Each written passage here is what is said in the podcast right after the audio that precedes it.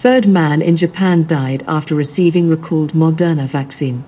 A 49 year old man in Japan died last month after he was given a dose of Moderna Incorporated's COVID 19 vaccine that was among batches later recalled from use by its local distributor, the health ministry said Monday. Moderna and Takeda Pharmaceutical Company said last Wednesday they would recall three lots of the vaccine after stainless steel contaminants were found in some vials. The man's dose came from one of the three lots that had also contained doses used on two men in their 30s who died in Japan after receiving their second shots in August, the ministry said. No foreign matter has been confirmed in either of the vials.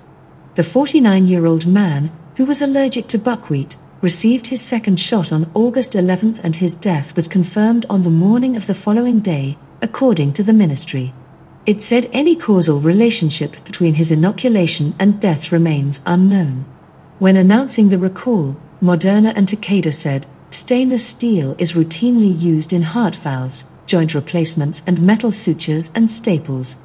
As such, it is not expected that injection of the particles identified in these lots in Japan would result in increased medical risk. The cause of death in the three cases is still being investigated.